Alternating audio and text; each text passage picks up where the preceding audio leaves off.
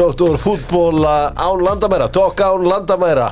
Aldrei verið svona gott veður í janúar Svo ég mun eftir einhverja tíu gráður. Sama, já sama veður Hér í Kópóinum Í janúar og í júni Viktor Unnar Ítlaðsson og Gunnar Birgisson Sestir hjá Doktor fútból Haldið áfram að skína drengir. Já, já, pössum okkur upp á það. Pössum upp á það, hann er nývaknaður strákur, úlingurinn er nývaknaður en kátur, uh, Gunnar Birgisson. Mæsson, Í líka umferð hérna á móðana Já. Úr Mosó, jésús maður. Þetta færði fyrir að búa í Mosó Já, en það er svo mikið lífskeiða þarna. Heldur betur. Uh, Mæsson Vestmann, uh, vínin góðu eru með Doktor fútból, getið farið inn á mæsonvestmann.is kynnt ykkur kampæni þar, þetta er auðvitað tími kampæni sem stittist í bóndadaginn við ætlum að fara að kaupa einhverja rosalegar gjafir í ár. Margar konur búin að hafa samband við með hvað á ég gefa kallinum í, í gjöf? Mæsson Vestmann, rauðvin, hvítvín og að sjálfsögðu kampavínið góða. Kíkiði þangað, stittist í lokin í NFL þá fer ég alltaf eitt stað, það er Amerikan style. Touchdown style, kalla ég uppbólsbókaðum í stunduðar Já, já, það, það steytist í það, februar og það sem er málið, þú getur alltaf rætt við það sem að gerast í deildinni við starfsmennina En það, það allt er allt? inn í þessu öllu saman. Þú, verður, þú verður að setja þið inn í þetta Já, já, já, já. Þannig eru hlutnir á American Style og uh, mér svona mesta þekkingin sérstaklega svona er varðar varnarleikin er í, í hérna á nýbúlaveginum Já, maður er svolítið finn- fundið fyrir því. Já, já, þau voru að horfa á Rose Bowl í nótt sem að, Michigan, hérna, Washington var Washington, voru þeir í úslum það var einhver gaurata sem er einhver Edwards í Já. Michigan sem að uh, er raketta. Það er rakett upp í raskatin á honum. Michigan tók og pakkuðu þeim saman. Lendi í vesinu með raketnar um, á, á hérna Á 13. Já, 13 dólar maður. Já, brotnaði prikið á einni. Ég bara, heyrðu, hún er bara flatt hérna í gegn. Já. Reif hann upp á prikinu Hjælt henni bara sjálfur Já. Og ítt henni upp sjálfur. Og hún fór eitthvað aðeins til liðar sko En krakkarnir sko Enn meiri virðing. Eitti, eitti miljóni flugvelda Og bjarga það. Bjargaði hverjunu Já, og þú veist virðingin. Lengjan er stoltur styrtaraðli uh, bara íslenska íþrótta allra. Og á lenginu finnur alla þá leiki sem þú vilt tippa og gerðu leikin skemmtilegri. En um leiðu að hætt, þetta hættir að vera gaman þá hættir þú. Já. það er auðvitað þannig. Þetta, á, þetta er fyrst og síðast skemmtun og uh, það er þess vegna gerðu við leikin skemmtilegri lengjan og doktor fútból spurningin góða, hún kemur frá talsrauninu Já, Lemon. Þær voru nú svona eitthvað aðeins að skoða stóðsendingar um helgina. Og þegar þær fóru að bera saman gögnin ég veit ekki hvort ég er búin að hendi í spurningu áður frá þeim af því að þær eru þeim fannst svo merkilegt. Að þrýr af fimm hæstu kom úr Chelsea, var ég búin að spyrja ykkur að þessu? Nei, Nei, þetta er svolítið merkilegt eru leikmenn sem hafa að spila með Chelsea. Þrýr af þeim sem hafa skorað eh, sem gefið yfir 100 stóðsendingar Já. hafa að spila með Chelsea. Hlýtur að Lampard. Lampard, já. Já. Um, Ef við ekki bara fá restina af spurningum á eftir, svaran á eftir. Ef við ekki bara að uh, leifa lemon gleymum við því ekki svolítið oft það? Nei, Aldrei. Aldrei, nei, ok. Ég er með handriðinu frá mig og ég fer ekki út frá handriðinu Skoðum stóru fréttina með orkun náttúrunar Ánaðustu viðskiptavinnir í uh, boltanum Sko, Gunnar Birgisson er yfirleitt með mér á föstudum Hann er kallar inn hér degi, já, þreymudugum fyrir núna.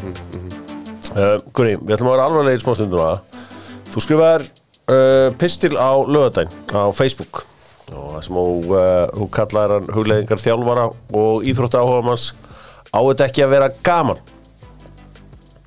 Þar sem að þú já, segðu græðis bara frá pistlinum og bara svona hvað mótiveraði í að skrifa þetta Já, bara búið að vera hérna, lengi í, í svona farvatninu að, setja niður kannski einhverja pælingar á blað það, það sem að hérna, ég hef svona tekið með smá frí frá þjálfun og aðeins séð þetta utanfrá sömu leiðis að hérna, mér, mér finnst svona eins og við séum kannski á, á svolítið rángri leið með, með þróun ungmenna í íþróttum að, að, hérna, að við séum kannski oft uh, að leifa mögulega fóruldrum og, og forráðamönnum að taka kannski uh, hvað við segja, hafa, hafa of mikil áhrif í, í starfinu í staðin fyrir að leifa í raun og veru fælarðum þjálfurum að, að vinna sitt starf. Uh, en ég held að þetta tengist í líka að, að við, megum ekki gleyma því að, að íþróttir eig- eiga í raun og veru bara snúast um áhuga sköpun þannig séð. Að því að, ég meina, sérstaklega svo yngri flokka þjálfun á Íslandi alveg sama hvort að það sé um að ræða í fótbolta eða handbolta eða körubolta eða whatever. Þú ert kannski ein, þú, veist, þú, þú, þú ert kannski þjálfari í, í, með 10-11 ára gamalt mann þú ser það í þrjá klukkutíma viku. Svona cirka, þrjá fjóra kannski. Þrjár æfingar. Veist, við vitum það allir að það verður engin stórkastlu fótboltamaður á því að mæta á þrjár æfingar á viku. En það sem þú þarfst að gera lítur að vera að skapa áhugan já. til þess að vilja gera meira til þess að vilja fara út í fótbolta eða út í körubolta eða whatever. Vilja Gunni, fyrir það sem er ekki að hlusta eh, kannski fæ ég að chipa þín að þú er þjálfað 14 ár þannig þannig að svo fólk átt sig á því að það er ekki að eitthvað eftir eitt sumar einhverjar pælingar. Þetta eru 14 ára af þjálfun hjá breyðabliki, hjá afturöldingu uh, þannig, þannig að þú ert með mikla reynslu og þekkir þetta alveg inn út. Mhm. uh, þú talar um að þú hafa gert mikið að minnstökum svona þegar þú varst að byrja í þessu og varst svona með mikla kröfur á, á börnin og annað slíkt sem að hérna og svo áttaður á því að það var ekki alveg, þú varst ekki alveg á réttum stað þar. Nei, nei, og, og þú veist, það sem að maður náttúrulega ekki gleymast í þessu líka er það náttúrulega að, að þetta er náttúrulega á meðan að það er ekki akademíur eða eitthvað svoleiðis þá er þetta náttúrulega bara samfélags þjónusta og þú þarfst að aðstóða byrjanda alveg eins og þú aðstóðar gæja sem að gæti allt eins náð eins langt og hægt er. Þannig að þú veist þú, bottom lineið í þessu á alltaf að snúast um það að við séum allavega að skila og þú veist, ég veit að við grínust oft með þetta hérna í þættinum en, en að við séum allavega að skila góðu manneskju til samfélagsins. Já. og ég meina, ég heldur við getum allir tengt við það að íþróttirnar hafa gefið okkur rosalega mikið að bara kunna vinna í hóp, kunna að, að hérna, koma vel fram, þú veist, æ þú veist, einhvern veginn, bara eins og í morgun þú veist, vakna snemma og, og, hérna, og mæta snemma og annars líkt, þú veist, þetta er þetta er það sem að íþróttirnar og íþróttirnar gefa okkur en það sem við erum kannski að distans okkur frá núna er að við erum farin að færa kannski veist, íþróttirnar, þetta er orðið meiri þetta er orðið miklu meiri einhvern veginn minna gaman, meiri keppni þú veist, þróunin hefur verið þannig undanfærin ár að til dæmis eins og mótum annað þetta er ekki eins og þetta var Nei, nei, og, og það er er ekkit sem staðnar og verður alltaf tíð eins og á van Nei, Ég meina, nei. þú, þú, svona megin inntækið fyrir mann sem eins og mig sem ára að lesa þetta Mhm. og það er langt sinni í þjálfa yngri floka er, þú talar um samskiptu við fóreldra Mhm. og svona þennan fóreldra þátt í þessu. Sko, hvernig hefur fóreldra þáttunum breyst á þessum 14 árum sem að þú, þú ert að, að byrja þegar samfélagsmiðlar í raun og veru eru að, svona, að starta á vissan hátt? Veist, við segjum að við flestir þetta minn á Facebook 2008-2009 eða eitthvað svo þú veist, þá ert þú að koma inn í þetta hvernig hefur þetta breyst? Þetta er náttúrulega breyst að miklu leiti þannig að þjálfarar eru talsveit aðgengilegri heldur en oft áður. Það er nú ekkert mál að finna mig eða Viktorinn á Facebook og senda okkur skilabóð. Mm. Þá ertu komin, komin inn á rosalega persónulegt svæði. Já, Uh, náttúrulega símanúmurinn okkar er út um allt og, og hérna, þú veist, þú ert með sportabler og þú ert með, með hérna, sideline og það er að senda þjálfurinn skilabóð bara hvar sem er og hvenar sem er. Og það er engin í raun og veru svona tilætlaður vinnutími þjálfur og það er ekki vandamál fyrir mér. Vist, ég get, ég, get- og ég, ég hef beðið um það, bara taliði eins mikið og eins oft við mig og þið getið út því að þannig forðastu mögulega einhver svona, svona vandamál sem eru í einhverju svona uppbyggingu en ég held að þetta hafi breyst að mestuleitið hvað það var þar að við erum að sjá til dæmis eins og bara gott dæmið bara eins og rútuferðir á mót. Já, Vist, ég mann þegar ég byrja að þjóla það, það var bara að fara með rútum á mót og það var bara öllum hrúaði rútu og það var bara partur af stemmingunni einhvern veginn. Já. Vist, það gist allir í skólanum og það er ekkert mál og eitthvað svona. Í dag þá erum við ekki einu svona með nægan fjölda til þess að fara í rútuferðina. Og svona þetta er vestmanna eða, eða hérna, til Akureyri eða eitthvað svoleiðis. Mm. þessum var bara sjálf hægt og því að foreldrar og mér líður eins og það sé svolítið hópþristingur mér líður eins og það sé þannig að af því að allir er að fara þá eiginlega verði ég að fara líka. Ég, get ekki verið, ég get ekki verið eina foreldri sem að fer ekki. Veist, það er allir í liðin að fara ég verði eiginlega að fara líka. En ég held, og það, það er mín einskjara trú að það eru foreldrar hann úti sem væri alveg til í að þetta er svona ákveðin mandómsraun að fara einn á mót. Og maður man eftir þessu sjálfur maður sendur með eitthvað smá vasapenning hérna, sæng og, og hérna, og, nei, hérna, einhvern sveppóka og einhverja dínu skilur svo þurfti maður bara svolítið að græja sig. Og þetta er bara partur af því einhvern veginn að þú veist, fá, fá að þroskast í þessu umhverfi og svona aðeins að læra og þarna kynnistu þú veist, liðsfélögu þínum og annars já. og ég held að þegar þú og ég hef rætt við aðra eh, þú veist, fyrir leikmenn eða, eða leikmenn sem hafa verið mjög öflugir í yngreflokkum og þjálfarar og þjálfarar sem eru hættir og annað slíkt. Þú veist, það segja allir að sama. Þú, veist, þú, þú manst ekkit endilega eftir í, eh, hvort að þú manst þú veist, A og B-liða keppni á ennetmóti eða eitthvað svoleiðis en þú manst mögulega eftir í allt sem gerist í kring. Þú veist, bara hvernig, hvernig, hvernig þetta allt saman hefur þróast undanfærin ár er svona smá viðvörunabjalla að við erum að sjá dæmi þess efnis að leikmenn séu mögulega teknir úr skólum í fóreldragistingu til þess að passa upp á svefn og, og passa upp á að veist, halda, halda mennu feskum og Þetta er samt bara að gerast með lið 1 hjá liðunum. Oftast, lang Þá er lið 1 tekið af, af úr hópnum á Langoftast. hótel til þess að undirbúa sér betur fyrir leikinu Þa- það, það, Það er galið. það er til er dæmi- það er til dæmi þess efnis. Þetta er, þú veist og svo, Ég hef, hef lent í þessu með breyðablik Já. Og ég hugsaði bara þegar þetta gerðist Já. ég hugsaði djöfull vona ég að þeir skít tapi á morgun öllum leikjunum sín þó þetta hafa verið mittlið þá hugsaði ég bara ég ætla að vona að þeim gangi sem vest þetta er, þetta er vandamála að hérna, við svona interaktífið hjá fóreldurum er orðið miklu miklu meira en það var. Og það þarf ekkert að vera slæmt en það þurfa að fylgja þessu einhverja leikreglur. Já, út af því að þegar þú ert með svona marga á mótum veist, ég hugsaði þetta þegar ég, ég var til með þessu ennetmótinu fyrra. Að koma inn á mótsvæðið á bara hérna, degi tvö eða eitthvað. Og þegar það er gott veður og eitthvað svona. Að bara fylgjast með einum velli. Bara, þú veist, bara, fi- finndu bara einhvern völl. Það, þú finnur hvergi svona þrúandi andrúsloft já, þú hvergi. Nei.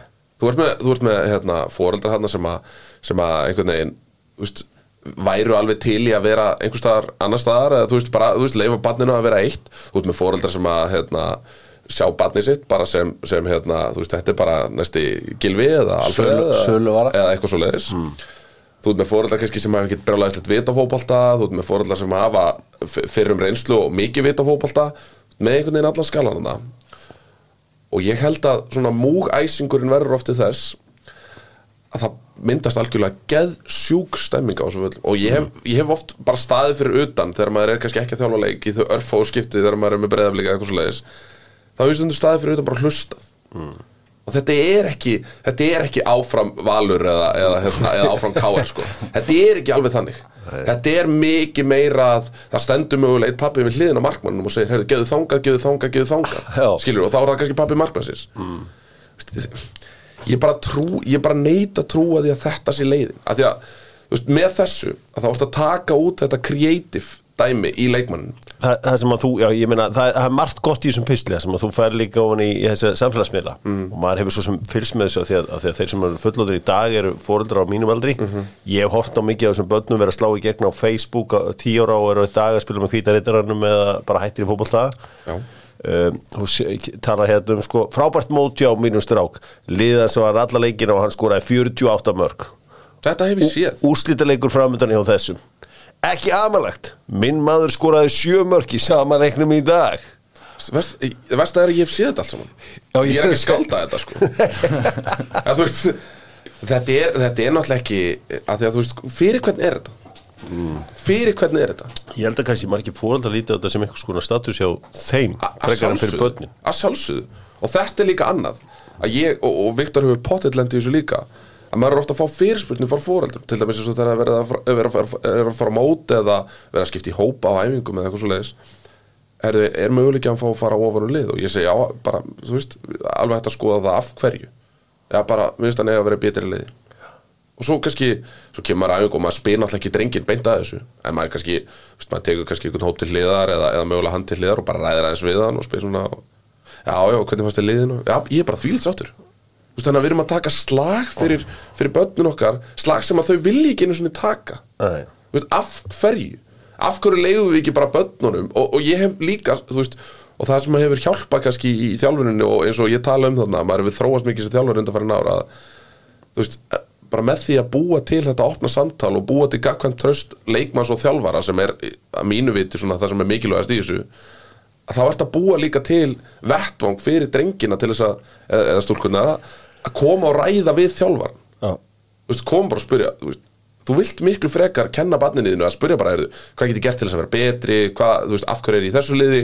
Það er ekkert mál, ekkert mál að taka spjallið og ekkert mál að, gefa þú- fóreldrar er ekkert þurfa að taka þennan slag. Þú, þú talar um sko að, að sko, með fóröldrarna, þau eru ekki mætt niðin í starffræðistofuna eða, eða í íslenskunni að byggja meiri þjálfun eða hvort Nei. hann með ekki verið í alliðinu í íslensku. Uh, í stafsetningu eða hvernig sem það er. Það eru þess að endur þessu kröfur á, á, á fótboltan ég er líka að sko, fótboltan er að verða eitthvað svona skrýmsli Já. ég svo sem hef ekki kynst þessu mikið því að ég er með eldri strák sem var ekkert í íþrótum og er ekki íþrótum svo er með yngri núna sem er að prófa þetta aðeins. Þú veist, eins og fótboltæfingar það eru kannski 80 krakkar á síðustu körbóltæfingu voru við fjögur með frábæra leiðbeinendur mm. eru líka frábæri fótboltar en bara, við voru fjórir í Já. svona Já. mættir hérna Það er bara, það er eins og allir eigi að fara í Já. sem er svona einhver kultúr sem að hefur og, Sko- og ég held að margir hafa engan áhuga á fótbolta finnst miklu skemmtir í körbólta eða handbolta eða, eða sundi Já, oft er þetta bara, þú veist, vinnin er í fótbolta þá ferð þú í fótbolta, þú hefur engan á hún en ekki neitt að vera þarna svo eru æfingagjöldum borgu sem er alveg ákveðs peningur þannig að þú, þú fær ekki að bara að hætta mæta- bara í nóvambi skilur þannig að þú bara en ég meina maður hefur, sko. maður hefur þjálfað æfingar í fífunni þar sem að bara er, er meiri mætingaldur en að leiki í bestu deildinni sko. Já. Þú veist, að, það sem að bara allir eru mættir og, þú veist, og þetta er annað, þú veist, þetta er bara partur af því veist, þetta er ekkit, eitthvað, þetta er ekkit endilega eitthvað brjálæðislega neikvætt en það þarf að setja einhverjar leikreglur. Það þarf, að, það, það þarf einhvern veginn að stokka spilinu upp á nýtt. Mm. Þískaland er að gera þetta. Þeir eru að breyta öllum sínum struktúr í yngri flokka þjálfun. Það er verið að breyta, það er verið að minka aðkomu dómara, það er verið að minka þessa formlegu leiki, það er meira kannski bara mörglið hittast og það er svona game festival eins og þau talaðum Já. það er verið að minka aðkomu fóreldrar, þeim er haldið lengra frá völlunum. Það er bara fókusin er á leikmannin og þetta small-sided games eins og þeir kalla, tveir á móti tveimur þrýr á móti þremur og það er aðeins bara verið að breyta öllum struktúr í þýskum fótbalta þetta gerist frá með árinu 24-25 þetta Já, er verið að innleiða núna og, og þeir sjá að það er eitthvað skrítið að, veist, það er eitthvað það, það, það er verið að beigja af leið og þeir halda í raun og veru bara áfram að beigja af leið. Sko, ef við skoðum samt algjörlega toppin toppin Já, ef við skoðum algjörlega toppin það var viðtal núna við Thierry Henry þar sem hann var að lýsa hérna barnesku sinni. Um, sem er bara núna eh, mikið í, í margir að hlusta á, á þessa dagana. Henry segir bara frá því hvernig hann var aðalinn upp. Hann átti bara að vera fótballtamaður bara pappasvekan í hendur og ákvaðan væri fótballtamaður og bara keirt á hann all læfi það sagt þetta um að eiginlega alla það færi engin á þessum topp topp íþróttamönnum einhvers konar eðlilegt uppveldi ég ætla ekki, þú eiginlega ekki að segja neitt um eh, á topp Íslendingana en ég ætla nánast að geta leitt mér að se- segja mjög svipað Viktor, þú ert þú veist þú veist, þú ert brandaður sem undrabarnin fótbolta mm -hmm. skoraðir eins og ég veit ekki hvað og allt svona ég, veist, ég var náttúrulega með bróðinum í, í hóp ég man aldrei, ég, við sér ekkert hvernig pappiðin leit út sko Nei. var hann í þessu Nei. Nei. Hann, hann, hann var ekkit, hann mætti ekkit þú veist, eins og þegar, bara þegar ég var yngri þegar fóreldrar voru að horfa á æfingar Já. þú veist, ég, mér varst það bara skríti ég hugsaði bara, eru þau ekkit að vinna hvað, hvað ruglir í gangi þarna og, þú veist, og það voru kannski bara þrýr fjóri sem að voru að mæta. En nei, hann var alls ekkit alls ekkit ólinn en jújú, hann alveg ragn út í fótbolt og, og allt svoleiðis og ég manna þegar það var eitthvað svona fóreldrar við þetta í skólanum sko. Já. átt hann að skrifa undir eitthvað ég ætti að vera komin inn alltaf klukkan átta. Þá sagði hann bara nei, hann er oft út í fótballandi tíu. Já. og hann máli gera það. Ég skrifa ekki undir þetta. Þannig að það fæði bara vera úti. Já, já. en maður þekkir auðvitað dæmi í kringu sig og bara eitt leikmað sem að náði bara mjög, mjög, mjög langt. Það sem að ég veit það að, þú veist pappin var bara með leikmann sem hann ætlaði bara að gera að leikmannu og bara Já. og það bara virkaði helviti vel. Já, já. Sko, já, það er sko mörgum já, það er mörgum sem blöskar og ég meina það hefur verið þáttaræðir um þetta á stöð 2 og annað slíkt. Já. um, það Þa, hefur verið það sem að kannski svona, ég veit ekki, ekki, ekki kannski hræði mig heldur svona ítir undir það að það var mögulega komin tími á einhvers konar umræðu að ég hef ekki ennþá fengið eina neikvæða aðtöðsund Mhm. ég hef fengið, þau, þau skipta á tugum skilabóðum sem ég hef fengið frá þjálfurum, meðþjálfurum, samþjálfurum hérna kollegum mínum í öðrum liðum og annað slíkt, Mhm. bara þakka mig fyrir að, að hérna, segja eitthvað að það, ég veit að það eru margir að hugsa þetta. Mjög, mjög, mjög margir að hugsa þetta. Ég fengi skilabóð frá fóröldur sem er leiðis sem að bara hárrétt hjá þér, þetta er eitthvað sem það þarf að breyta. Þannig að þú veist það Hefur eitthvað er- fóreldri beðið afsökunar bara, heyrðu, hvað, veist? Nei, nú, ég er svo sem ekki að fara fram á það sko, þú, þú veist, það, það meiga í raun og veru þú veist, það meiga allir hafa þetta bara eins og þau vilja en það sem að, það sem að ég held að íþróttunum þurfa að gera er að það er að setja einhvers konar einhvers svona playing rules það þarf að setja einhvern ramma utan um þetta af því að þetta er ekki eins og það var veist, þetta er eins og Viktor nefnir að þegar maður var að fara á mót og annað þess að maður fá bara einhvern veginn á föstu degi frá króknum smá vasapinning og, og hérna, þú veist Fekk kannski að ringi einu sinni fekk að ringja einu sinni kannski á laugadeginum frá Keflavík, maður var kannski að fara okkur á turnýringu í Keflavík eða eitthvað. Gengur vel. En ef ég mætti segja, þú veist, núna erum við kannski líka báður svolítið litaðar af, af breyðablík og núna er ég komin í nýtt lið. Og þetta er alls ekki þannig þar ég, veist, ég held að þetta geti líka verið að þegar í breyðablík það er endalist verið að selja út leikmenn og fóröldarnir sjá það bara ok, það er bara góður möguleiki að batni mitt verið aðdunumar í fótbolta mm. veist, ef ég bara segja eins og ég var það, ég sé ekki marga veist, það verið eiginlega engin fóreldri það er kannski einn, tveir sem að mæta á æfingar Já. uh, þú veist, það er bannað að ringi mig og, og tala um lið við mig og það verið engin gert það Nei. Þannig að þetta er allt En þarna komum við alltaf að öðru líkilpunkt Þarna komum við öðru líkilpunkt Að það er allt öðru sér setup Að vera með lið sem er með innanhúsa aðstöðu Og vera með lið sem er með utanhúsa aðstöðu Já. Í innanhúsa aðstöðuna Það rata yfirleitt börn sem að Mögulega vilja ekki fara í frístund eða eitthvað svo leiðis Taka þá bara rútuninn í fífu í staðinn. Já. Þú geta alveg verið þar bara á, á galaböksum og stífölum Það er ekkert mál. En þú þarft samt að þjónusta þessi börn sko Ég, get- ég alveg viðkynnt að þetta er frábæð punktur hjá Viktor Ég man þegar ég var í K.R. 2004 og maður kynnti svona aðeins starfinu þar að það var allt annað að koma inn í breyðarvík síðan árið eftir Já. að það var bara svona eins og að allir ætlu að einhvern veginn að meika það þarna Já, þetta er allt, bara allt annað kúltúr mm. í breyðablík og í öðrum liðum Þú veist, ég held að veist, í val, veist, maður var á fólundarfundum og okkur svona þannig að í val þú veist, það er ekkit margir þar sem að gera sér einhverjar draumum að strákur sem verið aðdur með fótbolt þetta er meira bara, þar er þetta bara tómstund Það- ég held, ég held að þetta sé útbreytara heldur en það að breyðablík sé, sé eitt Nei, ég held að þetta sé kannski ekki Alls bara breyðablík, þetta er kannski breyðablík þetta er kannski stjarnan. Já, já, það sem að fóröldarnir sjá bara já, ok, þú veist, þetta er að gerast aftur og aftur og aftur það er verið að selja stráka til Ítalju alveg í bunkum. Og þau sjá bara ok, þetta er, þetta er bara góður möguleiki og ég ætla bara ólinni að hjálpa stráknum minnum að En sko, en ef við ætlum að tala um framþróun leikmanna sko, þessi bestu þeir ná alltaf í gegn. Já, já, veist, Viktor Unnar og, og hérna, allir þessi gæja sko, Kristján Hlinsson og, og hérna, Hlínu Freyr og Anton hérna, sem hafa verið seldir út nýlega Eggert og fleiri, þessi gæja ná alltaf í gegn. Já, já, þjálfunin skiptir ekki brjálaðislega miklu máli á þessum gæjum. Engu. Af því að þeir eru þannig gerðir að þú veist, þeir eru bara alltaf út í fótbolta. Já. þeir eru bara alltaf í, í hérna úti með bolta, með félögum sínum. Veist, þannig læri maður. Mhm. þú veist, maður var bara einhvern veginn alltaf út í fótbolta maður bara einhvern veginn já, já, þú verður ekki, ekki aðdunum að fótbolta á þessum á það á þessum þreymur æfingum? Nei, nei. þess vegna er ég að segja, þú veist, þeir sem að hafa þennan metnáð, þeir sem hafa þessar geta sett þessar kröfur á sjálfa sig og, og eins og nefnið, e- eins og með fóreldrarna þú veist, við erum að tala um þess að toppa að, veist, oft fóreldrarnir er ekkit eitthvað brjálaðislega investaðir hjá þessum toppum endilega.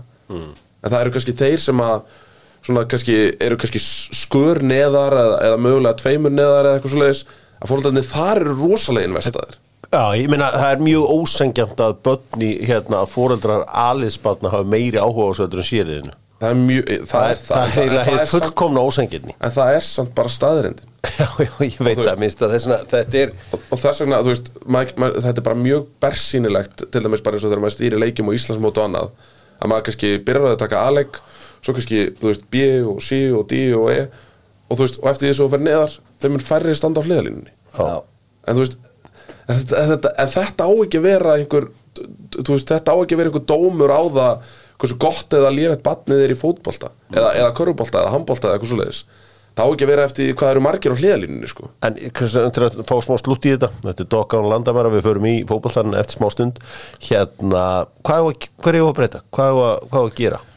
ég held að eins og ég segi, ég tala um þess að þýskuleið að hérna við, við erum og, og föst í gamla farinu knattspinnan hefur raun og veru lítið ef við tölum bara knattspinnuna ég meina Íslandsmótið og allt þetta er, þetta er allt eins uppsett og það var fyrir 20, 30, 40 árum síðan. Þetta er bara sama.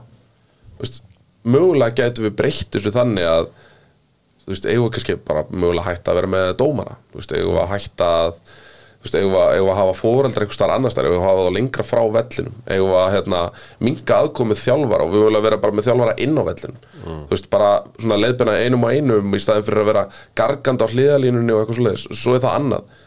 Þú veist, það er oft talað, maður hefur fengið fóreldra sem að koma til sín og segja, á, vantar eitthvað sem að stýri liðinu. Ég meina hvenar, hvenar eiga drengirnir að fá bara að veist, lenda. Já, bara svona lenda smá á veggjum og einhvern veginn, já, heyrðu, ég, ég gaf þessa sendingu áðan, hún virkaði ekki þannig að ég kannski mögulega að prófa eitthvað nýtt. Í staðan fyrir að ég sé að segja hún það. Eða, eða Viktor eða eitthvað svoleiðis. Gefðu, gefðu inn á miðuna eða eitthvað svona skilur þú veist, á einhverjum tímapunkti þá verðum við svolítið að setja völdin bara í höndunar á þeim sem að þetta snýst Viltu um. banna fóruldra á einhverjum? Nei, Ég Ég, meina, ég, er, ég er alveg hrifin að þessi eins og fimmleikarnir. Já, Maður já, er þeir svona- gera það og þeir eru rúðles í þessu. Mitt vestasamt sko, ég er rosa hrifin á öllu sem hann gerast í fimmleikurum Mm. Svo sest ég niður og fyrir að hugsa, herri, nei við höfum aldrei búið til afleiksmann í fimmleikum í, eh, Þú veist, ég man ekki eftir Nei, neinu nei. sem ég geta eitthvað. Þannig að ég á maður bara svona, herri, ákveð eigum við þá að taka eitthvað frá við fimmleikunum Að En þetta- jú, jú, að sjálfsög þegar við við höfum náðu árangri í því sem heitir hóp, hópa Já. fimmleikar En við höfum ekki náð sko, einstakling sem að, þetta snýst allum ég, ég held að sé alveg hægt að skoða. Ég er alveg, ég er alveg klálega samfæður um það að, að það myndi mögulega breyta einhverju. Að við erum ekki alltaf með mömmu og pappa á, á bekkjónum og annað hérna, Já, ég hef líka alveg séð strá, úst, ég er náttúrulega bara eila þjálfa stráka en ég hef alveg séð stráka sem að, maður sér það bara á þeim, ótrúlega involveruð og bara mikið að tala við þjálfaran og Mm. bara skipta sér á öllu þeir nenna því ekki. Þeir eru bara Jesus Christ. En bara eins og þessi þjálfari sem ég rætti við eins og ég tala um í þessu pisli eins og þessi þjálfari sem ég rætti við hann sagði bara, hann á, á 2-3, 4 börn eða eitthvað svoleiðis og hann sagði bara, veist, ég áttaði mig á þessu bara sjálfur.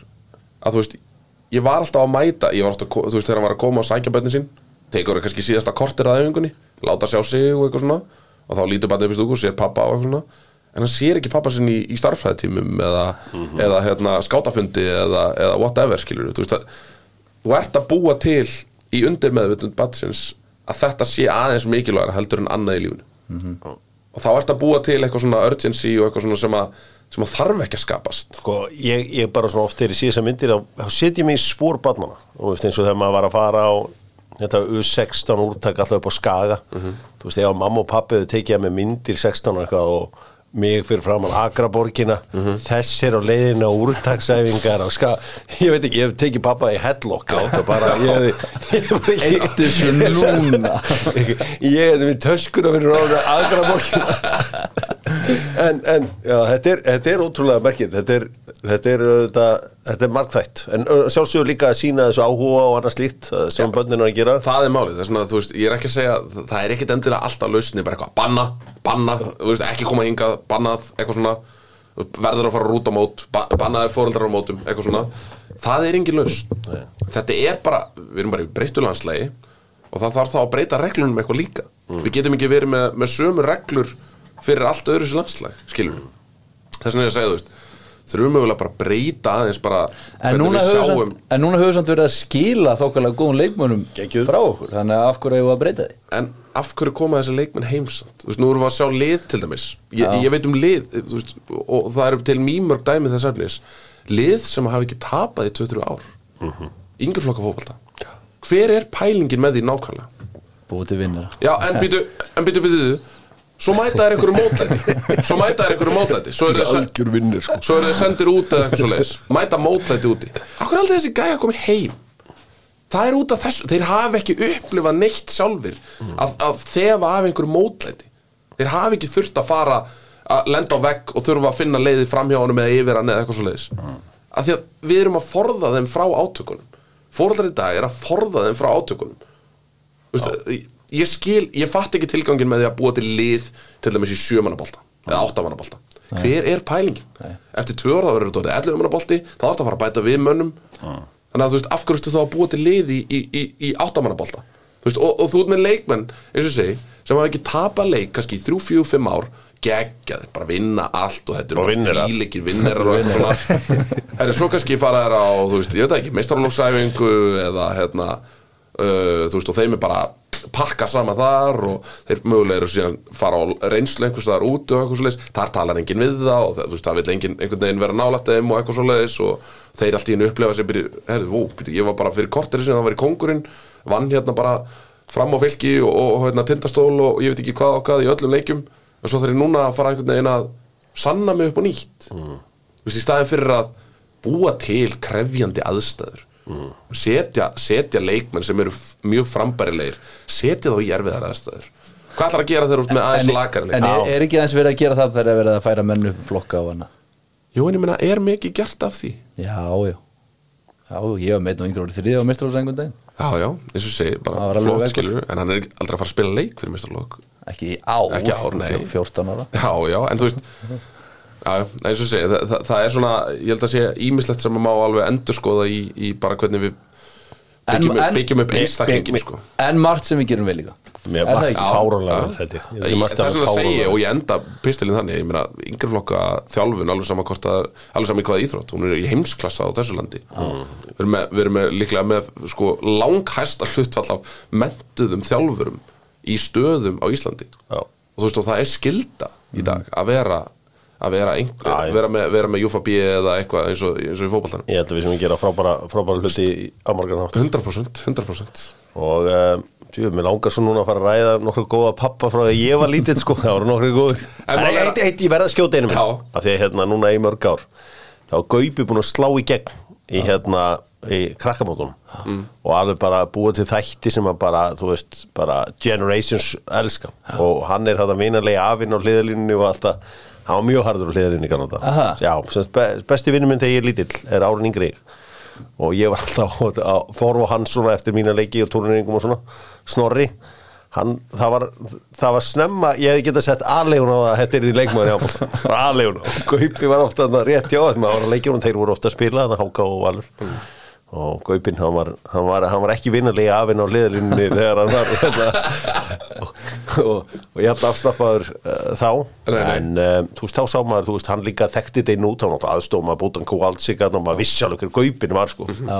með þú veist, hann var framan á plötu um slæðinu þegar að hérna handbóltalandsliði gaf, já, gaf út, já, já, framan á því, þeir voru allir framan á, en þú veist, þetta var aðstofa maður sem allir vissi hver var. Já. og þú veist, ég vissi alveg að það var aðstofa maður bútan sem sætti þetta, fyrirvændi þannig að uh, þannig að maður hefur nú séð þetta alveg ganga vel upp sko, að vera súper allan að fylgjast náið með ferlinum. Já, já, en þú, en þú hefði samt aldrei séð gaupa taka, taka mynd og posta á Instagram eitthvað Nei, Jæja, nei, nei. Jæja, þessi með 38 mörk í leiknum í dag Guldstrákurinn minn eða eitthvað svona Ég heldur reyndar að sko þeir hafa ekki tapað leiki svona fjögur, fimm ár Ég meina, Nei, nei. Aron Pálma tapði ekki leik bara, ég man ekki hvenan Ég held að Aron Pálmarsson svona, svona æðin er búin að tapa 21 leik sko. Já, hann, ég held að í yngjörlökun tapað hann bara aldrei leik sko. Nei, nei. Barcelona held ég að það aldrei tapað leik heldur hann Nei, nei, Þannig að þetta þekkist nú alveg já, já Eða, veist, það, það, þú veist, one wrong don't make, þú veist, eitthvað right. Er það ekki eitthvað saying? Já, já. En svo bara, þú veist, verður bara fóröldar að finna þetta sjálfur Já, já. Og sko, það hefur verið að er að keira sjá, sko, maður er að sjá fólk á aldrei sem sagt við mig, þú veist svona, cirka á mínum aldri eru farin að eiga börn bara, þú veist, eitthvað, tíu ára eða eitthvað skilur Þannig er maður farin að sjá þetta líka svolítið í kringu sig, sko. Þetta er skemmtilegt.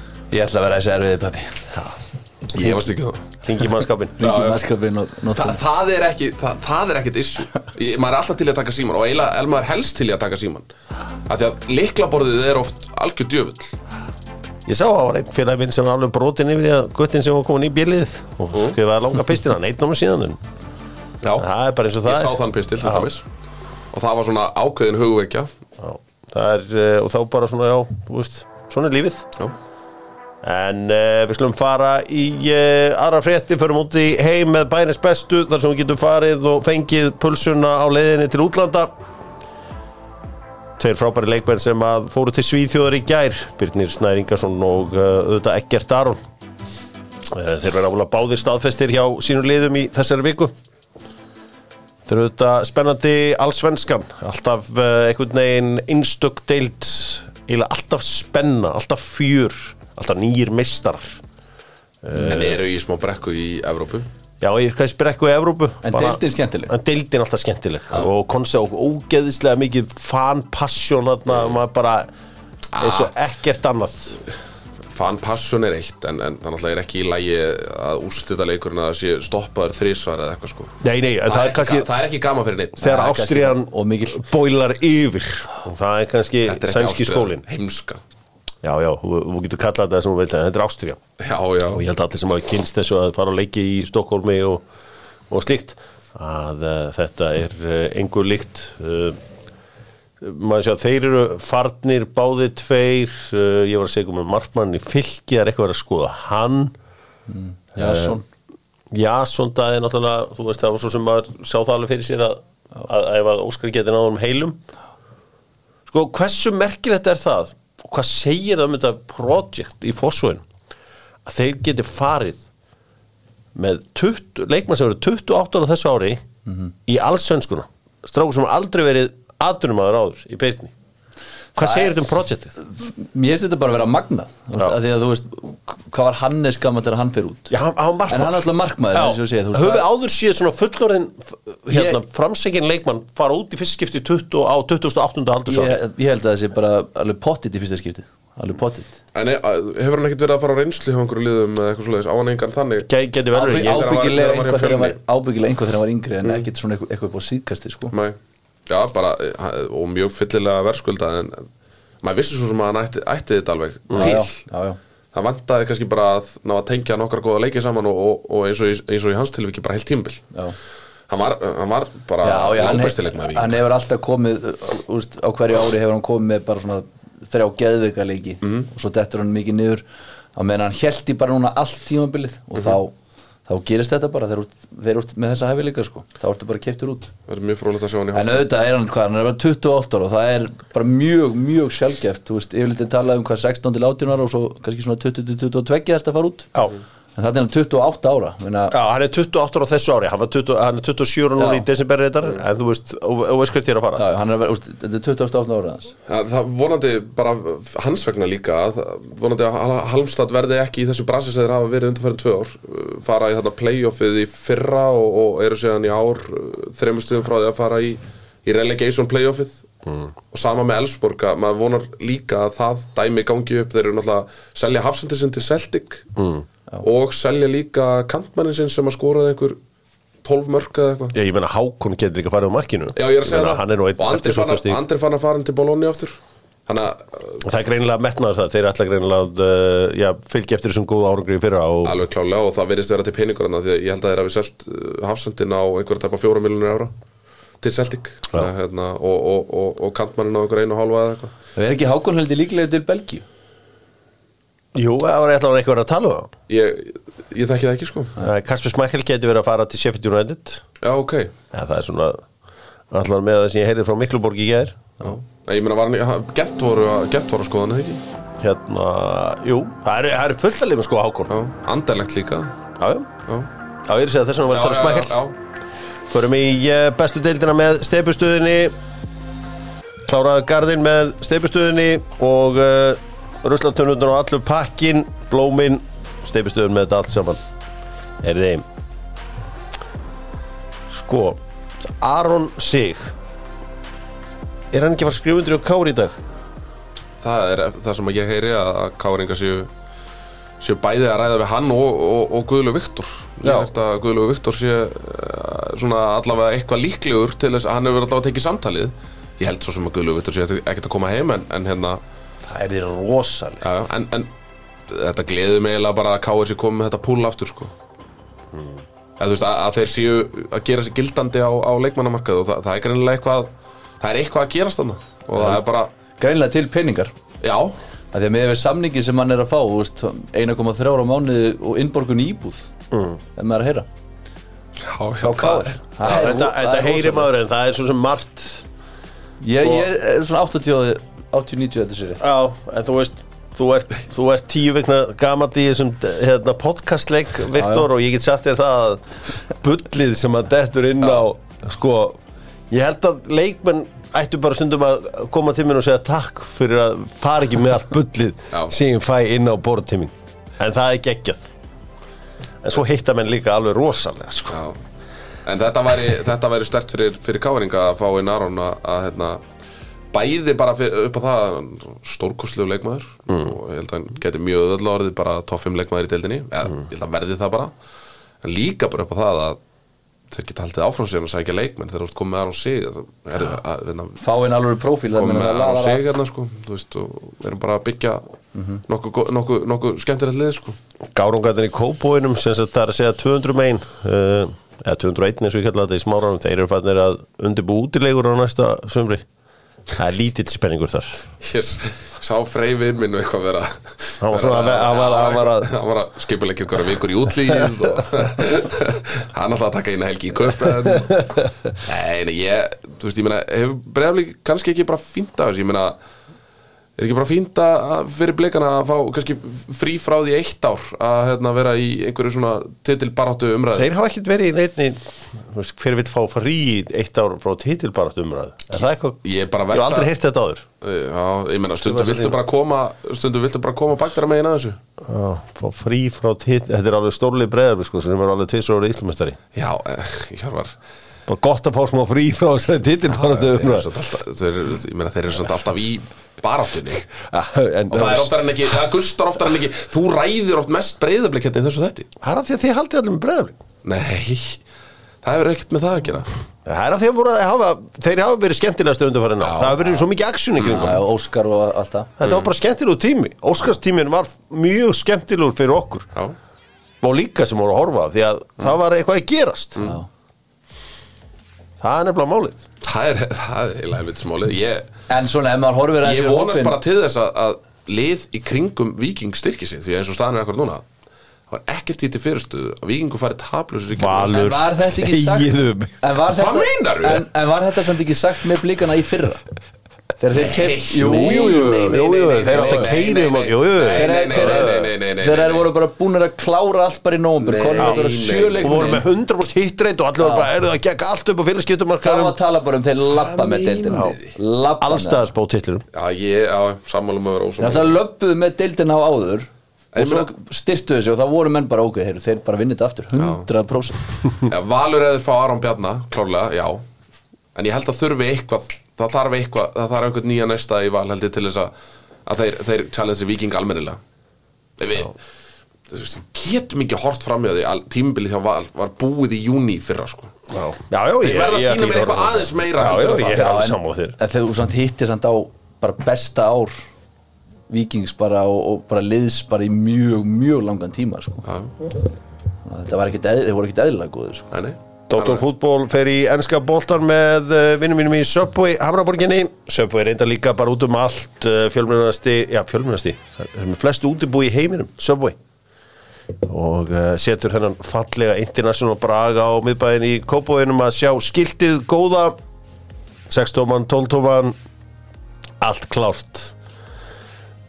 Gunnar, við erum nú búin að fá þig hingað að ræða kannski aðeins þessi vonbriði á sunnudaginn. Uh, Arsenal 0, Liverpool 2 mm. Arsenal getur ekki skorað. Heill mánuður af hörmungar bolta. Hvað er gangi? Nei, ég er nú reyndar ekki sammálega að þetta hafi verið hörmungabolti en þetta er er já, fyrir ekki góðir úrslit. milli tegana fyrir ekki rosa góðir milli nei, tegana nei, bara, ég meina, skapa sér helling. Hörmungar úrslit. 6,8 í XG eða eitthvað.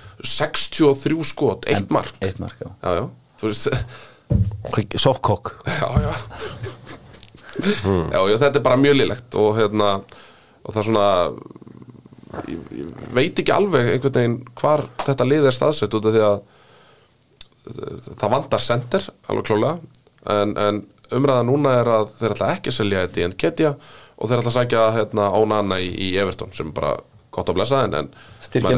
Já, sem að kannski þarf ekkit endilega styrkingu sko. Alls ekki Þannig að hérna uh, Já, ég, ég, ég get bara Ég verð fyrsti maður til að viðkynna það að maður hefur smá ágjur Já, já.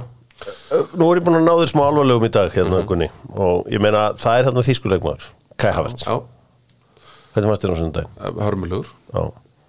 Nennið þú þessu? uh, Nei, ekki lengur nei. Ertu búin að gefast upp á honum? Ég hugsa það, já.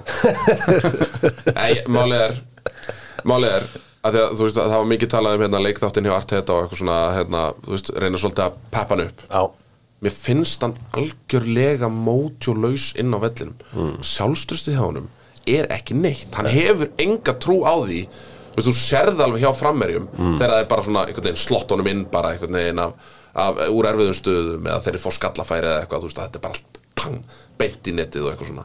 Þú sérði þetta ekki hjá Kai Havertz og ég hef, já ég, ég held að þessi tími þessi stutti og skemmtilegi tími í lífinu ég held að honum sé lókið Sko, í, í, í kringum desember þá, þá voru þegar allir að hafa s- samband um og tala um Brentford sigurinn þegar Kai skoraði, herðu þetta var meistara sigur sigurinn á móti Luton Hjörvar, þetta var meistara sigur nei, nei, nei, ég er búin að vinna ennsku deildina 13 sinum ég veit hvernig meistara sigra líti út. Ég, ekki, ég kæri mig ekki um sko, skilabóð frá Gunnari fyrir Ardari Sveini Gessin og öllum þessu 10-15 árum gaurum síðan eða því að ég er búin að það vinna þetta ekki relevant síðan 13 þá, sko. sinnum. Ég er búin að vinna þetta 13 sinnum. Ekki þið segja mér hvað eru meistara sigra Ég meina, ég skal pekki í þið þegar ég komið meistara sigra við þurfum að rifja bara upp söguna ef við ætlum að fara að rifja upp einhverja Viktor, hvað er ég búin að vinna þetta oft? 13 13 Já, sinnum síðast, hvernar bara um daginn, ég man ekki eins og 2013 hvernig Er ekki komin 10 ár síðan, 11 en þú aldrei aftur talað við mig um Það var, ég allavega, ok, ég allavega minnist þess ekki að hafa verið að tala um einhverja meistarasigra.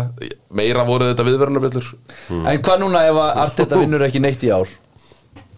Uh, Viltu losna við það? Já, já, já Viltu losna við það? Já, sjálfsögðu.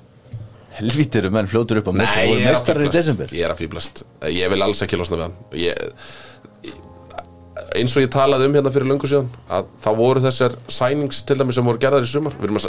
Leikmannahópurinn okkar er byggður á leikmannum sem eru svona í kringum 24, 23 aldurinn eitthvað svo leiðis Ég held að þetta snúist allt saman um það að vera klárir þegar að mögulega þessum pep tíma eða klopp tíma eða eitthvað líkur að vera þá klárir með, með 28 ára gamalt fullmóta lið þar sem að ert kannski búin að, að, að sparsla upp í þessi gött sem að eru núna Ég, það er ótrúlegur, ótrúlegur klopp tími einn englandsmeistara titill á 10 árum það er bara er það klopp tími Ha, ég meina, ef þú skoðar miðlana þá er nú eins og þetta lið hafi nú ekki gert annað en að vinna Já, já. sko. en við, við skoðum stöð hlutina aðeins er því. hér Já.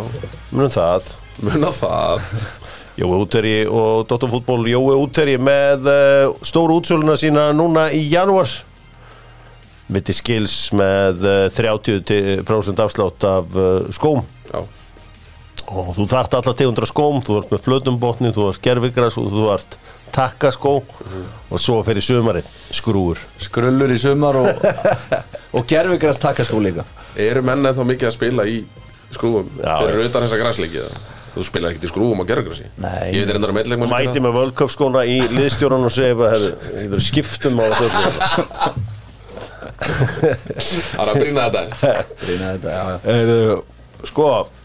já. Já, Jói Terri með þetta allt saman Manst United böðu på flugveldasýningu á DW vellinum í gær uh, XG upp á 4,06 mörgjum voru 2 Markus Rashford fann uh, Djoko Dalo uh, í fyrramarkinu og svo kláraði Bruno Fernandes þetta í setni hálfleik Enski byggarinn aldrei verið meira spennandi átján premlið ennþá eftir Viktor Unnar Ylóðarsson Já.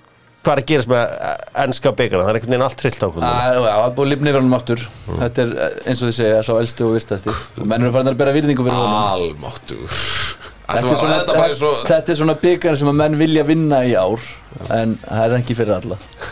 Ekki alls ekki fyrir alla.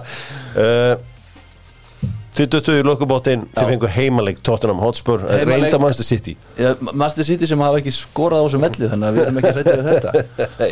Og við vissum það að til að vinna titilin þá þurftum við einhvern tímann að vinna þá. Já, og það er alveg skott að gera það bara í hvað er þetta ekki 16 lega 32 32 lega, fínt að gera það bara 32 lega að losna við á þar.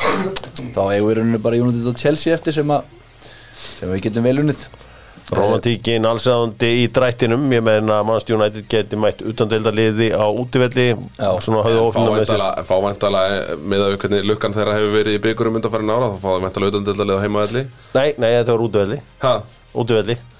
Það er búið að draga. Það er búið að draga. já, það er þú ert Ísland. náttúrulega ert ekki fylgjast með ennska Þú fylgist byggarna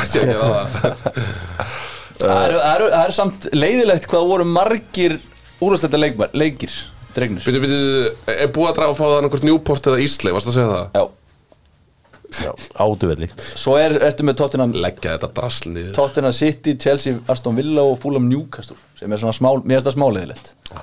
Þannig að þú losnar allan að við þrjúlið þarna. Romantikinn er nú ekki meira en það. Já, það er búið að vera romantík út um allt og við fengum líka töfra uh, töfrar ennsku byggkjarnar eru engum líkir og ja, kannski já, ég veit ekki svona hvaða töfra maður á helst að taka út þessu. Var það kannski George Elokopi, töfrarnir þar? Já, og það þínir upp á töfrar hvað fekk hann? Ipswich? uh, Já, ekki? Já, hann var eitthvað svo leiðis sko, þannig að hann fengi Ipswich á útivelli. Það var ekki kannski alveg drotturinn sem hann var að vonast til að fá. Herðu, hann kallaði hérna heimavöllin hjá Wolves, The Golden Palace. Golden Palace. Og það er þekkt. Er það? er ekki, eins og ég held ég held að hann var að pinna þetta upp. En þetta er eitthvað sem er ekki mjög, mjög þekkt en svona fullorðnir stuðnismenn vúls hafa þekktu þetta. Þekkist. Já, þannig að þetta var ekki bara eitthvað algjörl út í bláin. Fyrir þá sem að sakna uh, ennsku úrvastildarinnar þá er haugur af efni um sögu ennsku úrvastildarinnar inn á uh, sjónvarpi Símars. Uh, það er að segja, hvað heit, hérna, Saga Premier League, Já, hún heitir svo mikið sem, ég veit það ekki. Jú, jú, það er Saga Premier League, þú átt að vita þetta allt saman. Að það? Já, hún heitir Þetta eru þrýri eða fjóri þættir ógeðislega góða þættir. Þið finnið á. Saga ennsku úrvasteldrarna Ég er líka búin að lesa bókina og ég þól ekki þegar að svona hlutum með stóli úr hausnum á mér, þetta er nýbyrja að gerast. Og þetta heitir svo mikið Er sem það gerast í meira magni en áður? eða? Já. Já, ok. Bara allt í einu er einhvern veginn það er eins og tölvan sé hrunin. Ég held að þetta heitir Fever Pitch Rise of the Premier League, geðu ekki þættir. Já, og uh, byrð mennum að kíkja á þetta afsæki þetta, haflega svona er farin að uh, að fara að klikka móðuborðið í tölvunni, ég þarf að fara í tölvutek og sláta að skipta. Skoðum markaðin með Mikluborg, félagskiptamarkaðin það er allt gal opið.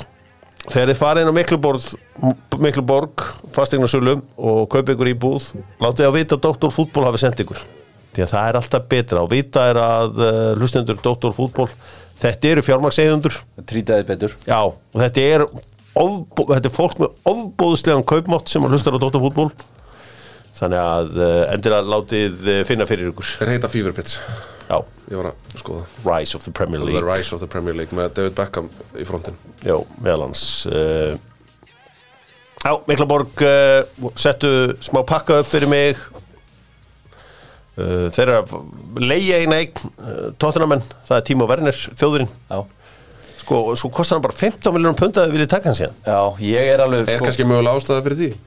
Já, já, það, hann hefur náttúrulega ekkert verið frábær undanfæran ár En ég er alveg baslega spenntur fyrir þessu. Já. Bara, ég hef það mikla trú á þessum þjálfara Ef hann vill hann, þá bara trú ég því 100% að hann verði mjög góður hann Sko, eitthvað almest brútal svar sín sé lengi þegar var þegar að blaðmaður spurði hann út í hann hans út í Ben Davis eitthvað Ben Davis hérna mittist í leiknum í, í dag. Mun það hafa einhver áhrif á stöðu Erik Dægir? Nei. Það mun ekki breyta næstbyrni, bara Ég ránaði með hann þannig líka því að hann bara þólar hann greinleiki bara er ekki nógu góður fyrir, fyrir okkur. Hefur bara ekkert verið það. Hefur alltaf verið og, og ég sá, ég, svo erum við að reynda að fá hérna dragúsinn mm. vonandi klárast það bara í dag ég sá að þeir eru eitthvað að lána Asli Phillips ungan miður þannig að það er svona ítum mann í áttuna því að þetta sé mögulega að gerast Já, ég meina að Dragosín er bara að fara að mæta hann er, eh, þetta, þetta edgest, þetta er bara alltaf að vera nær og nær Já, þannig að það er ótrúlegt bara að hafa náða að selja dæja til bæðimunni Sko, ætli, ætli, ja, er hann seldur ánga? Er það transfer? Já, hann er náttúrulega rennur út í sumar. Já, já, já, þannig að Það þá er eitthvað. Já, sko gerir að þetta geggja Harry Kane múið til bæinn aðeins minna sexy þegar Erik Dægir er mættur að það með honum eða? Já, þá verður svona hver sem er geta farið í dalið ef hann er að mæta þetta inn á dynnar Ætli, ætli Beckham að liði svona þegar að Jonathan Woodkill labaði inn í klefan Sannilega Bara, Já, ok, þetta er ekki merkilega múfeldur en þetta. það var bara að taka alla breytana. Það er bara að taka. Nei, nei, ég, þú veist bara, þú veist, gaman fyrir það að prófa að upplega að vinna eitthvað. Sko við hefum oft séð svona odd signings í janúar sem virka sér við sáum Fát Vekost komið fyrir á mánuðu setni eftir að mætti vara með tárin í augun að fagna enska deildabíkarnum eftir að var lagt upp marka á uh, Markus Rashford við hefum séð umdelda í janúardíla virka fyrir báða? Já, ég held í Og alvöru þú nefnir Vátt Vekost Já, af því, að, hann skilaði málum er ég, og veist hvað mandamáli mitt er. Til Málma. Já. En Ég held í alvöru að Tímo Werner muni virka. Ég held bara Ljái mér hversu vill. Ég held í alveg að hann muni Það er ekkert að ástæða lausu að Chelsea sótt hann á, á stóru sælunleina um árið Þannig hann, hann það er klárlega eitthvað hérna hjá honum En hann hefur eins og segir, hann hefur ekkert verið góður undan fyrir ár. En ég held bara að það sé búið að skáta hann þannig að bara, okay, hann fyttar hérna inn og við úst, kemur með ákveða borðum sem við viljum fá. Og ég held að hann skori svona 8 7 til 8 nýju mörg og verði bara mjög góður. Væri það gott fyrir sendir í það? hann verður út í vinstra megin. Já. svona upp á topp uh, Já, það er þannig? Þetta var áhvert held að Já, ok. Já, Við- ég, ég er ekki einspæntu fyrir þessu og Viktor? Nei, nei, ég bjóst heldur ekki við því. Eðlilega ekki, við erum að fara að ná ykkur núna á stegum Chelsea getur mögulega selt Conor Gallagher ástæðan fyrir því að í Financial Fair Play reiknast hann sem hreitn hagnaður. Já, það er að segja að af því hann er uppalinn þá er hann hreitn hagnaður. Já. og það er að pælingin með að selja þessu uppöldu leikmann eins sorglegt og það er að þá í þessum bókum. Að- Ég held að Arsenal ætliðu nefnilega að fara í það með að selja Eddie and Getty allumis Mhm. En nei, nei, þá uh, kom hérna einhver fréttir á fótbolta.net núna eitthvað. Arsenal ætlar ekki að selja ekki alls ekki Frábært. Þannig að getur skorað þrennur á móti Skönþorp og eitthvað svona. Já, nei þið fá ekki spila við Skónþorp í ár. Uh, Fenerbahce er að skoða uh, Antoni Martial. Ég veit að uh, það getur verið mjög spennandi dýl fyrir Tyrkina og það er eins og það er. Ivan Tóni vill borga Brentford tilbaka og klára allan á þetta tímabil með liðinu og halda liðinu uppi. Sjá til þess að þeir fari ekki eitt eða neitt niður. Hann segir að Tómas Frank eigi inni hjá sér Er þetta ekki bara þegar hann sér að hann er ekki að fara að fá þetta 100 miljonar múf eins og Brentford er að byggja um hann? Það er ekkert lið að fara að borga 100 miljonar fyrir hann sko. Nei, Nika, hann hefur ekki 8 nei, mánuði núna. Akkurat. þannig að þú veist, bara ekki galið að kaupa í janúar 100 miljónur Þá og kaupir hann sér nokkuð stig hjá, hjá stuðnismönnum að, að segja að hann ætla að klára þetta tímabil með hann. Uh, Óli Gunnar Solskjær uh, getur verið á leiðinni til uh, Besiktas. Uh, hann er uh, svona sko, liggur undir feldi, feldi þessa dagana. Uh, Það er alveg magnað að hann skulle ekki vera komin í já, það er En það. það hlýtur þá að vera að hans vilja. Já, Það já, vera, já, já. þú- Hann hlýtur að hafa verið með tilbúð ég, ég nenni ekki að segja ykkur hvað þessi maður á að penningum sko. Já, nenni nei. Snýst þetta alltaf um, um það? nei, nei, ég bara nenni ekki að segja ykkur hvað hann á að penningum Nei. Hann hefur gert vel úr sínu. Heldur betur. Og uh, United náttúrulega sé til þess að borgunum Já, Já, alltaf borga fyrsta Förum við til Spánar þar sem að uh, konungsbyggarinn Copa del Rey var á fullu. Kongarnir í uh, takoleiknum er uh, Tres Logos, það sem er gaman að borða það sem að góðu matur og stemning koma saman tequila með skal, allur pakkin Já, uh, Tres Logos. Kili Kili, hann er á leiðin til Real Madrid. Þetta er nánast komið yfir línuna. Tic-tac Tic-tac. Er það? Það er búið að vera tic-tac þarna á El Chiringuito núna í já en, tic-tac. En akkur er þetta ekki komið meira konkrétt Ég held þetta væri, þú veist, ég held þetta væri þegar hann ákvaða að taka þetta ár með PSG að held ég þetta væri bara algjörst formsatrið Hann væri bara alltaf Já. til Real Madrid. En af því að það er ekki alveg 100% núna Þá hugsa ég bara, geta hann bara endað í Liverpool? Nei, hann er ekki að fara í Liverpool Hann er að fara í eh, Real Madrid og það er löngu ákveð Já, já, ég, já, ég held það En ég væri til að sjá hann fara eitthvað annað Ef ég á að vera alveg herkil Ég, ég, Nei, mér, er það alveg svo? ömulegt að djút Bellingham síðan og eitthvað svona. Ég vil hafa það bara einhvern veginn í eða eitthvað. það er sann svo svalt að vera í Real Madrid. Já, já. Það er mjög cool að vera í Real. En mögulega er þetta, er þetta bara hérna, lítill áhugi Íslands á svenska. Já, já, og veist, Real er stærsta liði heimi 14, marketing, 14 market, Marketinglega að segja. Já, Er veist, Já, það já. er fanbase Los Blancos. Já, ok. Los Blancos. Blancos. Ítalía, fyrir til Ítalíu með sútöf, vinnum minnum agli og vinnum þessi glæsilegi jakki sem þeir gáum sem var uh, sérsömað með stóru doktorfútból logoi, getið séð þann á TikTok og víðar. Já, sett hann á my TikTok. Tvö orð, Albert Guðmundsson með XG upp á 3,34 í ár með 8 mörg það er enginn sem er eiginlega að skora svona mikið yfir XG-ið sitt. Hann er akkurat öfut við það þegar hann fer í landsbúningin þá á hann erfitt með að skora, klúra færum. Hjá Genoa þá þarf hann rétt að sjá markið. Skoraði, sett hann síðan í slanna og loka sekundunni og beintur aukaspinnu á þetta. Algjör kongur á vellinum. Herri, Ja, Mér fannst áhugavert að sjá hérna viðtali við, við var ekki Ágústóri sem var að tala um bara hversu mikill hérna, hversu mikið uh, hann væri hildur af, af stöðnismunum Genó og maður skilur það alveg Nei. hann er náttúrulega hérna hann er bara kongur hvað er ekki Guðmund Benna Twitta er hann ekki í þessum stærstu fimm deildum er hann ekki bara í í top 5 í, yfir markaskorun eða? Nei, Undanfarnar- nei, ég er að tala um Já, undanfarnar mánuð. Þetta var eitthvað undanfarnar mánuð eða eitthvað Já, slags já Hann er alltaf að skora eitt hér, eitt hér sko. Hann er aldrei að skora fjögumörk einu leik sko. Mögulega goal involvement Eitthvað slags Hann er átta mörg og tvö assist. Já, Inter með æfintyrilegan sigur á Verona og svo náttúrulega Juve með N1 sigurinn í uppbóta tíma þeir eru sérfræðingur uppbóta tímanum leikmaður sem ætti að vera í Arsenal Dusan Vlahovic. Já, skoraði sigumarki með alvöru skalla þöndir skalli hjá honum. Ég er búin að vera aðdáðandi Vlahovic í mjög mörg ár. Er ekki Júi bara að fara að klára þetta óvænt?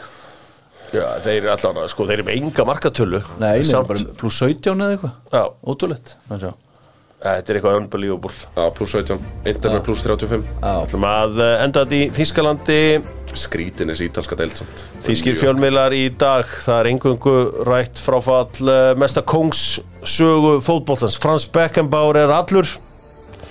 Stefán Pálsson og uh, kanslarinn mæta einna tímin á fimmtudaginn að ræða Frans Beckenbauer sem er, ef það er einhver sem á að heita, veist, hann heitir er náttúrulega Der Kaiser og hann er Der Kaiser. Og uh, þjálfari, leikmaður mögnuð vera. Herri, nú er Carlo Ancelotti búin að skrifa undir hjá Real Madrid. Xabi Alonso hjá Leverkusen. Ætti ekki liðin sem Manchester United að setja öll ekkin í eina körfu núna? Bara, það verður bara að sækja Xabi Alonso. Og mér persónlega mér er slétt saman hvað þú ert hansi fyrir leikmaður Liverpool eða Hull City eða hvað það er sko. Það er engar tengingar þarna sem að pyrra trúi einn eða neitt Þú veist, ég, fyrir mér er Xabi Alonso þegar ég lóka öðrum, hann er realbúningi já, hann er reyðileg maður Já, já. Eh, Það er samt alveg stert þessi Liverpool tími hjá honum sko. En Ég- Já, en ég held samt að, þú veist, þó hann hafi spilað nefnir fyrir Leopold, þá ég held að hann geti alveg þjálfað United. Hefur hann einhvern áhuga á því það? Held ég einhver áhuga á því að- Held ég alveg örugglega ekki. Nei, eh, nei, ég er ekki Hann er hann er Ég er ekki að segja þannig ég, veist En ég held að hann hafi engan áhuga á Ég, því. mér finnst það segja bara rosalega mikið af Því að nú horfum maður stundum á umfjöllununa eh, Til dæmis hjá, hjá Sky Það sem að kemur inn á netið og annað slíkt Gary Neville talar um það Einasta, einasta, einasta leik mm. Það er hann um eignarhaldið Það þarf að breyta þarna Það er engin direktor á fútból uh, Þú veist Kaupin sem hafa verið gerð undanfærin ár þau, þau skrifast oft bara á þjálfaran eða þú veist, Erik Den Haag í raun og veru tekur í raun og veru einn þessar ákvarðanir. Þetta þekkist hvergi í alheims fótboltanum í dag. Að þjálfari fá að taka prívat ákvörðun um að splassa 100 miljonum í Antoni eða splassa 65 miljonum í, í Meso Mount Þú veist, þetta þekkist hvergi í dag. Þú ert með 2, 3, 4, 5 gæja sem að, þetta þarf að fara í gegnum einhverja nefnd það þarf að, það þarf að skoða, veist, vantar okkur leikmann kostar að þetta, erum við tilbúinir að eyða þessu í hann og annars slíkt. Þannig að þú veist ég er, ég er ekki, ég, þetta er ekki eitthvað svona skot skilurðu, en ég held að það þurfi meira að breytast heldur en bara það að fá nýja þjálfari, ég held að veist, þeir sem eru að byrja á því að koma þessu náttúrulega hérna, eignarhaldi Ratcliffe þarf að, að hérna, fá svolítið sitt að segja og, og sækja sína leikmenn og, og sækja sína þjálfari og eitthvað svona svo er held ég hægt að fara að tala um það að þanga til held ég að Erik Ten Hag sé bara fýtt þjálfari sko uh, reysarleikur um helgina ósammála því? Uh, Nei, nei. Uh, á fyrstu þá er það bæinn á móti Hoffram og þeir íslíka sem verða í mun hér, þeir geta ekki náð leiknum, eða ekki að þeir alltaf sjá hann handbóltaleika móti Serbíu. Ég myndi alltaf uh, setja einn uh, handbóltaleik í ruslið til að vera á svæðinu þegar að uh, bæra minnast Frans Beckenbauer uh, Já, það- já, það er í uh, tískum Já, þessi leiku var það stærri núna. Já, miklu stærri og um, en versta er að serbaleikurinn geti verið svona smá svona úslita Serbin brotnar alltaf um mótleiti að það, Já, prófaði að henda smá mótleiti í Serba. Brýtur hann. Nóg Djokovic. Já, reyndar Novak Djokovic. Sko, Novak Djokovic er það svalun áhengi og hann er það miklu metum hjá mér að ég get hugsað mér að fara að vesla Lacoste föt í dag. Já. Veist, bara í dag, veist, ég bara, bara, bara breyta þessum krókudíl fyrir mér. Bara Djokovic og þetta bara mentality hans bara nú maður bara, herri, jú, er þetta er alveg flott. Lacoste sem að var áður bara eitthvað, já, já. Já, þeir eru besta tennisspilari í heimi og besta köruboltamann í heimi. Já, þeir eru harðir, ég veit allt Mjög. Um Serba. En hann áður til að brotna. Já, já. Í Fraklandi var kúp til að Fransa sem að byrja einhver 12.000 lið. Það eru lið frá Martining það eru lið frá all- öllum þessu litlu frönsku eigum sem er eigin einhvern veginn út um allt þau fá öll að vera með og einhvern veginn er tróðið til Fraklands og látið spila Hákon skoraði tvö á móti gullnu ljónunum frá Martining Já, þeir voru veginn bara búið að taka okkur 40 daga siglingu til, nei, veist, þetta er eitthvað alveg ótrúl, eh, franski byggarinn er eiginlega mest áhugaverða stöffið í þessu öllu saman. En uh, Dr. Fútból fyrir að þakka fyrir sig, ég er hér með já, tvo upptekna menn. Já, Gunnar, var eftir já, nóg að gera. Er alltaf nóg að gera. Væntalega búin að fá nóg af tilbúðum núna Ég bara, þú veist, já. Eitt, auðvitað inn, eitt og eitt. Auðvitað inn. Auðvitað inn. Uh, Tekur ekki hverju sem er. Nei, nei. Uh, Það glemdist einhvern veginn, ég hlustaði á mánudagsáttin og ég var alltaf að býða, eða sundagsáttin ég var alltaf að býða, býða, býða, eitthvað. Það er nú hlýtur hann að tala um, Háka var að spila, hann hlýtur að fara að tala um það eitthvað svo. Nei, það kom ekki, svo einhvern veginn var þáttur um búinn. Ég. Þannig ég finn tilbaka, hlusta aftur. Já. Hlustaði tvisvar, það var ekkert rætt Háka Það var þínum Já. já, hvernig fór? 3-1 afturhalding. Flott. Það eru, já, það er í janúar. Þetta er neitlega svona að kjæla fyrir mig. Eh, Dr. Fútból kemur aftur á 15 með Stefán Pálsson og eh, kanslaran og ræðum keisaran sjálfan, þeir kæsir Frans Beckenbauer